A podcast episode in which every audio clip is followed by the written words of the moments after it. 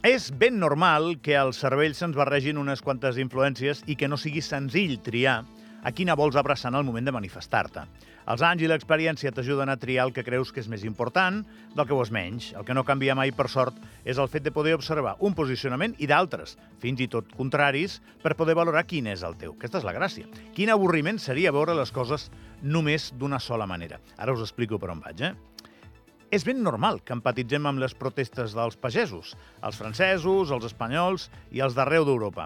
Reclamen protegir un món en el que feines com les seves tinguin lloc i no aquest el que contribuïn tots plegats en el que el volum i la velocitat arrasen amb tot.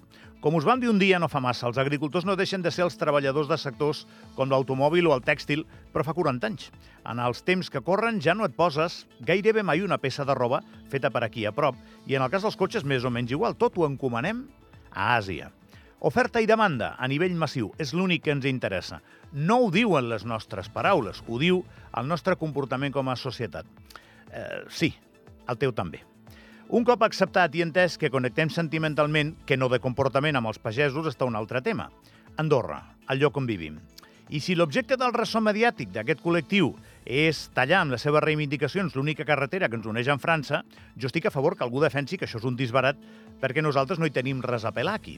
El cap del govern ho va fer i se'n va sortir la setmana passada. Ja veurem en les següents ocasions perquè igual els ha fet enfadar. Però són molts els que estem d'acord amb això que va fer Xavier Espot, tot i entendre les reivindicacions dels pagesos.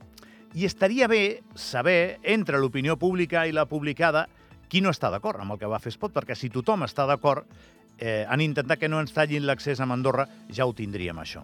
El cas contrari ens porta a trobar que hi ha gent a qui ja li està bé que ens incomuniquin al país, sense tenir res a pelar a les reivindicacions dels pagesos. I a la vida som amos de les nostres paraules i també dels nostres silencis.